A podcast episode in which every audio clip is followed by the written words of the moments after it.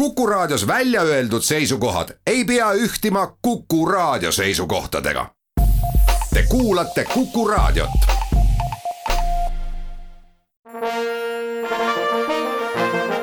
Vanemuise veerand. tere kõigile teile, head Kuku raadio kuulajad. kolmeteistkümnendal veebruaril esietendub Vanemuise teatri suures majas lavastus Niskamäe naised. sellega seoses on mul hea meel, et stuudios on kaks külalist. Tere, Maarja-Johanna Mägi, sina oled Ilona. jah, tere. ja Niskamäe perepoeg Aarne on ka saates külas. tere, Priit Strandberg. tere. panin osatäitmised õigesti paika? jah. täiesti korrektne. kuidas te tunnete ennast nendes rollides? esietenduseni on veel aega kaks nädalat on esietenduseni aega ja mina tunnen väga hästi, selles suhtes hästi, et, äh, et mul on väga huvitav karakter ja mul on hea meel, et ma saan nii suurt äh, tükki hammustada kohe esimesel äh, hooajal, kui ma olen teatris. jah, Maarjal tõesti on tore roll ja minu meelest see sobib ka Maarjale hästi, et see on väga tore. mind see kaks nädalat nagu ka julgustab, et, et on veel minna, aga, aga töö on, on keeruline, ei tule lihtsalt kätte, vähemalt mulle, see minu tegelane. mis ongi ju hea, et see inspireerib nagu vaeva nägema. Et ta on hästi äh,, hästi kummaline, kummaline tegelane, keda, keda kehastada. tema sellised äh, käigud on raskesti õigustatavad aga noh, tegemist ei ole sellise klassikalise paha tegelasega, et kes teeb äh, kurja ja ma saan ise näitena suhtuda sellesse nii, et näed, ta teeb kurja. ta ei tee otseselt seda, aga samas on väga raske õigustada siiski tema, tema teguviisi, et on, mille kallal äh, pureda ja teine asi näitlejana, mis on väga huvitav, on ikkagi see tekst mulle endale väga meeldib teater, mis on tekstitäpne või siis sõnatäpne. igal lausel ja igal ka sõnal on mingisugune kaal, siis see on küll ka Linda Viidingu tõlkes olemas, et igal sõnal tõesti on kaal ja ei saa tekstiga improviseerida, et noh, ma ütlen siin oma sõnadega kuidagi ära, vaid, vaid sellel mõttel tuleb välja ikkagi siis, kui see on öeldud nende sõnadega, millega Voliogi on kirja pannud ja kuidas Linda Viiding on tõlkinud ja see on alati näitlejana minu meelest tore väljakutse, et sa ei saa noh, noh, see koht enam-vähem on, et sa tead, nüüd ma jätsin seal selle sõna ütlemata ja ma pean ikkagi täpselt ütlema, see on omamoodi nagu keeruline, aga, aga huvitav. Tiit Palu on dramatiseerinud selle loo ja, ja tema on ka lavastaja, öelge, kas Niskamäe naised on teie mõlema jaoks esimene kord mängida Ella Vooliogi teksti järgi tehtud lavastuses? minu jaoks on küll esimene kord. ja minul ka. sellegipoolest tahan pärida, mis asi see võiks olla, mis äh, Ella Vooliogi näidendite puhul publikut köidab, sest äh, kui me mõtleme veidi ajaloo peale tagasi, siis kui ta sai valmis Niskamäe naised, siis alguses äh, Soome teatritegelased hoidusid, ütleme nii, hoidusid sellest tekstist eemale ja seda ei kiputud lavastama. ja kui see ükskord ära lavastati, siis tuli välja, et publik võttis selle tohutult soojalt vastu. seda lavastati kohe neljakümnes teatris üle Soome ja ja kui me meenutame ka lähemat aega, siis Peeter Tammearu tegi, ütleme, et Niskamäe saaga, mille pikkus oli tubli neli tundi ja oli neid, kes ütlesid üsna kõvahäälselt, et kes see nelja tundi maldab teatris istuda. see lavastus oli ka tohutult populaarne. mis asi see on tema tekstides? tahad sa alustada, Maarja ma arvan, et üks asi on äh, tugevad karakterid, tugevad naiskarakterid eriti just, selle nimi on ka Niskamäe naised et äh, noh, näiteks äh, vana perenaine, kes on selline meesnaine et ta on nagu hästi võimukas ja võib-olla sellesse aega mõjus see eriti uudsena, kui see kirjutati, aga isegi nüüd on see väga selline tugev, võimukas ema, kes valitseb seal. jah, ma arvan ka aegumatud äh, teemad, milleks on väga paljustki minu meelest Vooliogil ka lihtsalt suhted ja kuidas inimeste suhted lähevad sassi, kuidas ähm, mehed petavad oma naisi, täiesti läbiv minu meelest selles saagas.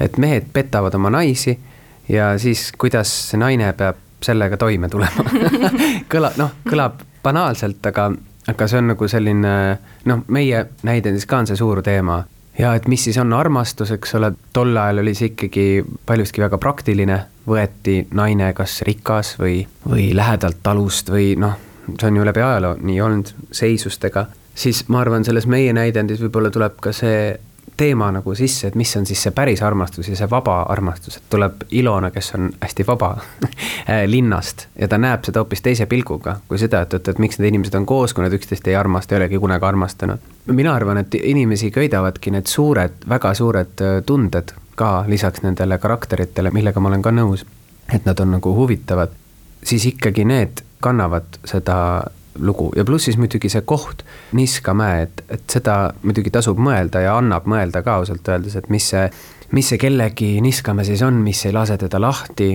koht, millega ma olen niimoodi seotud, kus on mu juured, et ma ei suuda sealt äh, lahkuda kunagi. noh, ma arvan, neid asju on, annab mõelda ja huvitav on lihtsalt see, et sa mainisid seda Tammearu lavastust kaks tuhat kaks, et kui vana sa siis olid, Maarja? kaks tuhat kaks või? kaks tuhat neli ma läksin kooli, ehk siis ma olin viiene. viiene ma olin kolmteist et see on, mulle alati meeldib see, kuidas teatri ajalugu liigub ja kuidas mingid nii ilmselged mingid siuksed verstapostid jäävad kuhugi, et siis tehti see tükk. ja siis, kui tulevad nooremad inimesed teatrisse, kes ma ise tunnen, et ma ka veel olen, et ma polegi saanud näha näiteks Mati Undi Vanemuise lavastusi, sest ma olin siis lihtsalt liiga noor, et tulla kümneaastaselt vaatama Vanemuisesse Mati Unti. aga noh, vaadatakse suurte silmadega, et kuidas sa ei ole näinud täielik kõrvalekalle, aga lihtsalt kuna sa mainisid seda lavastust, siis, siis mul tuli see meelde.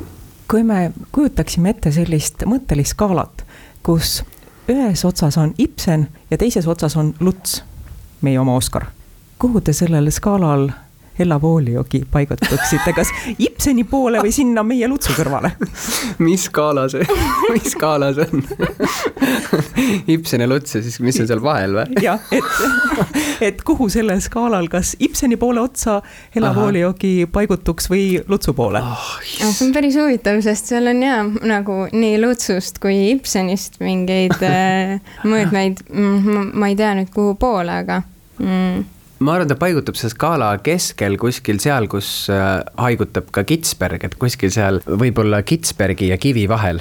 Aleksis Kivi ja Kitzbergi vahel on Ella Pooljogi võib-olla peaks Tiit Palu käest, lavastaja käest sedasama küsima. kindlasti jah, jaa ma loodan, et järgmises Vanemuise veerandis avaneb mul see võimalus Tiit Palu käest sedasama küsimust küsida ja, ja kuulda, mis on tema reaktsioon. veel üks küsimus, mida võib-olla oleks õigem küsida järgmises saates lavastajalt Tiit Palut aga kripeldab. kas Niskamäe naised on selles ajastus, kus äh, see lavastus, kus Vooliogi ta kirjutas või on ta tõstetud tänasele päevale lähemale? inimsuhted on ju aegumatud, seda võiks rahulikult mängida ka tänases päevas. jaa, aga meil on ta ikkagi ajastus.